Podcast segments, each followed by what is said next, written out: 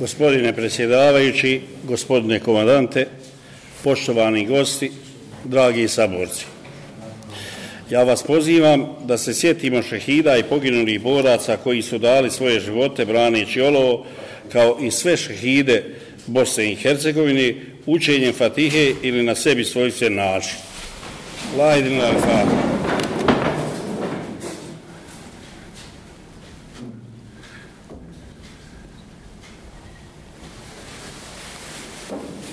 Neka im je vješi i rabeti sam.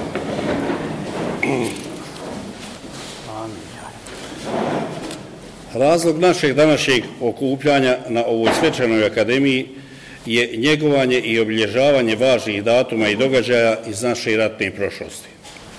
Svakako da je jedan od značajnih i važnih događaja i datuma u ovoj i ovaj 14. decembar 1993. godine, kada je odlukom predsjedništva Republike Bosne i Hercegovine našoj prvoj Olovskoj brskoj brigadi dodijeljen počasni naziv Slavna i od tada nosi naziv Prva slavna Olovska brska brigada.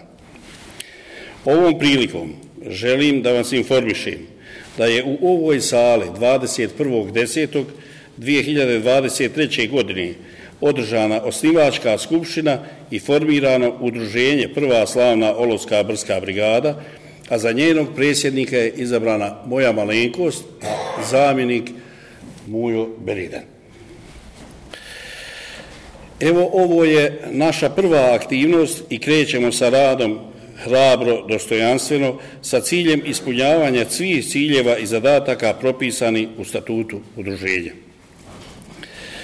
Ja vam se zahvaljujem što ste se odazvali na naš poziv i što ste došli da podržite naše aktivnosti. Pozivam i sve pripadnike Prve slavne Olovske brske brigade da se učlane u udruženje Prva slavna Olovska brska brigada, kao i djecu svih pripadnika brigade, da skupa radimo na realizaciji ciljeva udruženja. Ja ću vam samo napraviti jednu komparaciju određenih događaja. Evo vidite, e, 14. Decembra 1993. godine je brigada dobila naziv Slavna. 30 godina od toga brigada dobija udruženje Prva Slavna Olovska brigada. 30 godina nakon dobijanja počasnog imena Slavna, pripadnik brigade prve, olovske, prve slavne olovske brske brigade je odlukom predsjedništva e, postavljen i postao general oružanih snaga e, Bosne i Hercegovine, naš Faj, Žilić Facko, što nam je svima svakako velika čast i, i čime smo, evo, da kažem na neki način, čime je i, i e, krunisana naša herojska i časna borba ovdje u, u, u Olovu.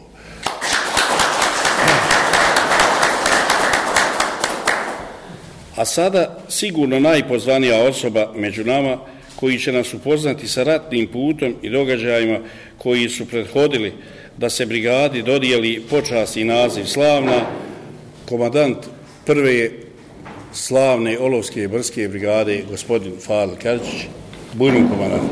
Ja ću malo i ustati, a poslije možda. Ja vas još jednom sve selam i pozdravljam. I dobio sam zadatak da napišem nešto za korak u prvobitnoj varijanti, ali ja sam napisao i druge stvari koje će biti interesantne. Drago mi je da ste u ovolikom broju i drago mi je, ja sam uvijek ovdje kad se nađem u svom olovu, a posebno sa svojim saborcima, ja sam uzbuđen i onaj, imam, da ne kažem, onu pozitivnu tremu. Pa ću evo sam ponoviti ovo. Dana 14.12.23. godine navršava se jubilarni 30 godina od kako je prvoj ovskoj Srpskoj brigadi odlukom ratnog predsjedništva Bosne i Hercegovine dodijeljen počasni naziv Slavna, a koji smo sve ove godine nosili, nosimo, ponosimo se, a to su hrabri branioci i herojsko olovo svakako zaslužili. Da bi to potkrijepili, moraju se navesti aktivnosti i neka dešavanja iz tog perioda koja su opredjeljujuće utjecala na ratno predsjedništvo Bosne i Hercegovine da donesu takvu odluku. Po nama jedinu ispravnu odluku, a na ponos svih nas aktera tog vremena i svih budućih pokoljenja. Velikodržavni projekti koji su početkom 90. godina 20. vijeka doveli do raspada Jugoslavije, a potom i u rata u Sloveniji i Hrvatskoj, stali su na put demokratskom opredeljenju Bosne i Hercegovine za nezavisnošću i nagovijestili krvavu agresiju na našu novo priznatu zemlju.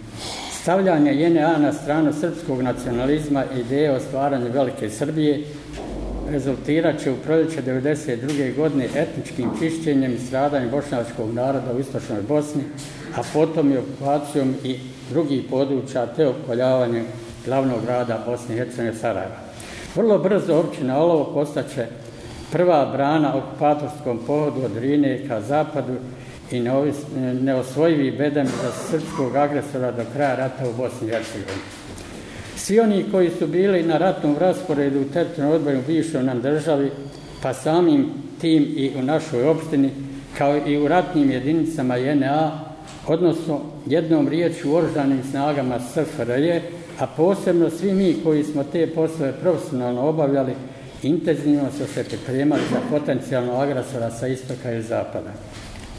Nažalost, agresija i neprijatelj došao iz Beograda od srbijanskog rukovodstva od JNA, koja je morala biti glavna vojna snaga koja nas je trebala braniti od mrskog neprijatelja izvana.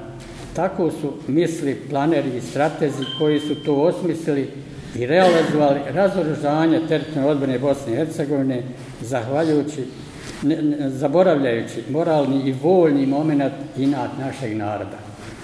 Iznenadilo je to, ali je tako nastalo i desilo se bosansko čudo otpora.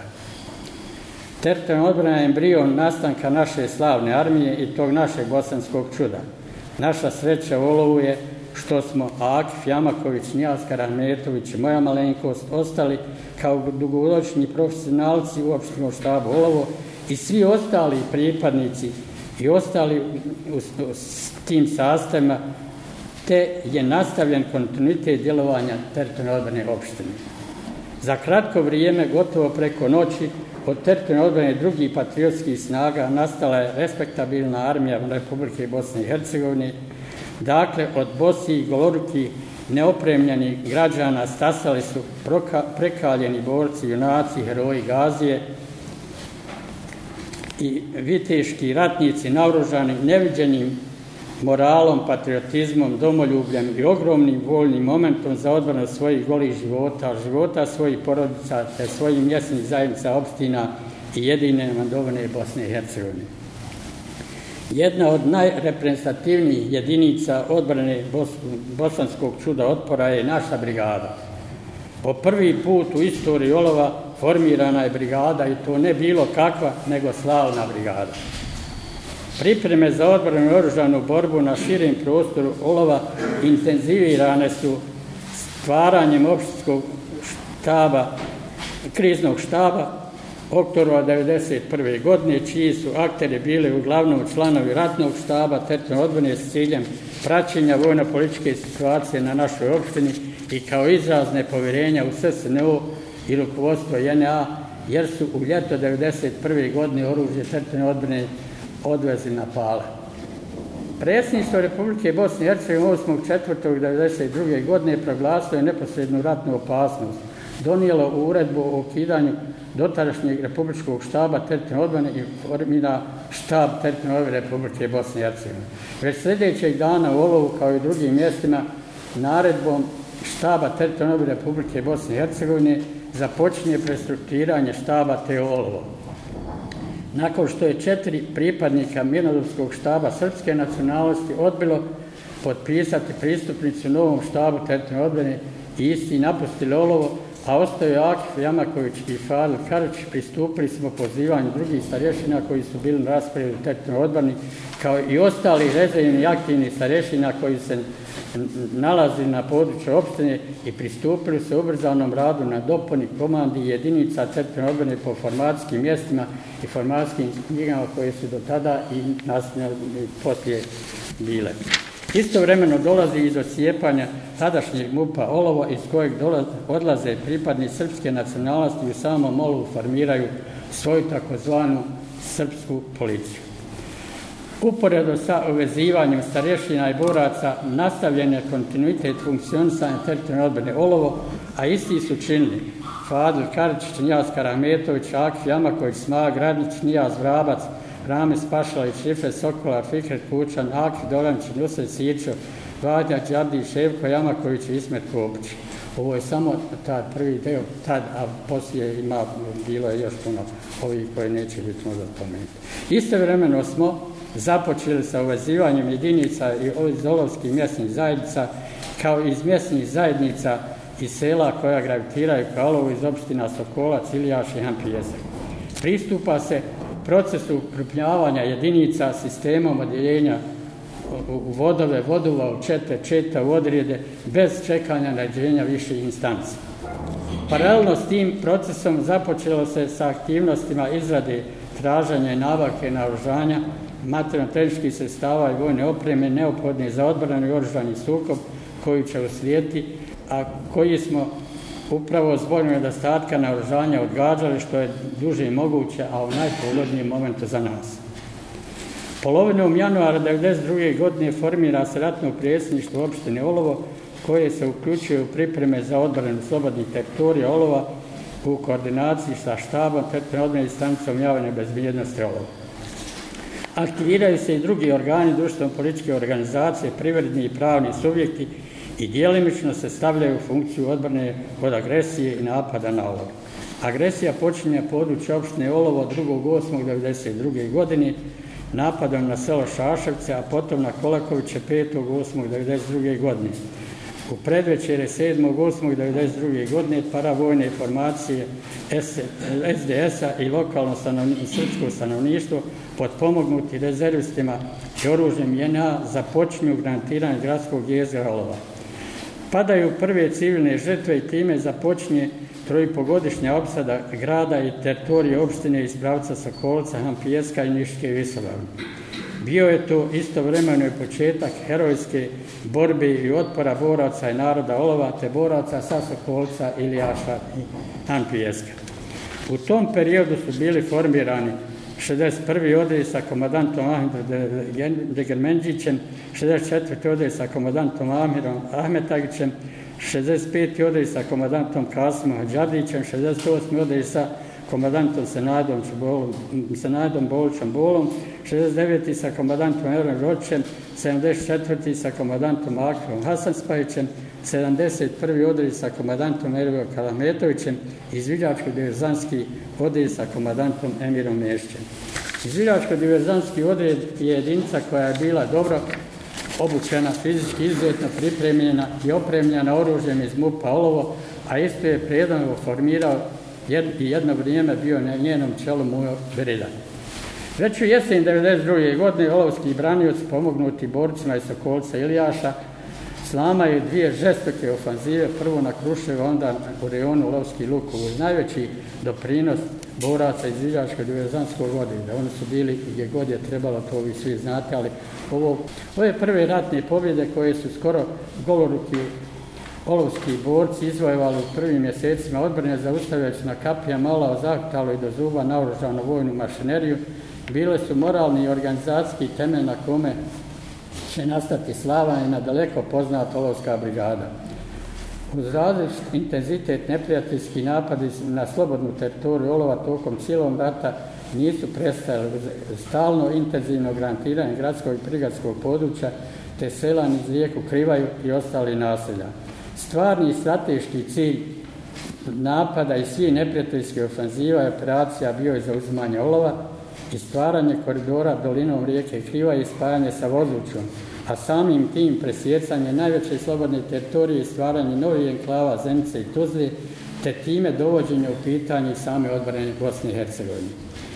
Intenzivna borbena dejstva uz uređenje blizu 60 km duge linije odbrana nalagala su formatsko preostravanje jedinica i formiranje IKM sa skloništem i centrom vezi, te izradu izgradnju podzemne ratne bolnice, pekare i pekare koje su postale infrastrukturu bili sinonimi olovskog otpora i uspješne odbrane.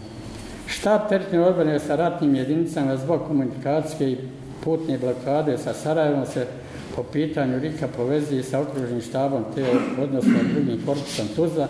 Nakon formiranja operativne grupe Kladanj krajem 1992. godine Rik teritorijalne odbrane je ostvarivao sa, teritorijalne odbrane je ostvarivao sa drugim korpusom preko navedene operativne grupe. Zajedno sa samostalnim prvim Sokolačkim bataljonom i trećim bataljom Ilijaške brigade.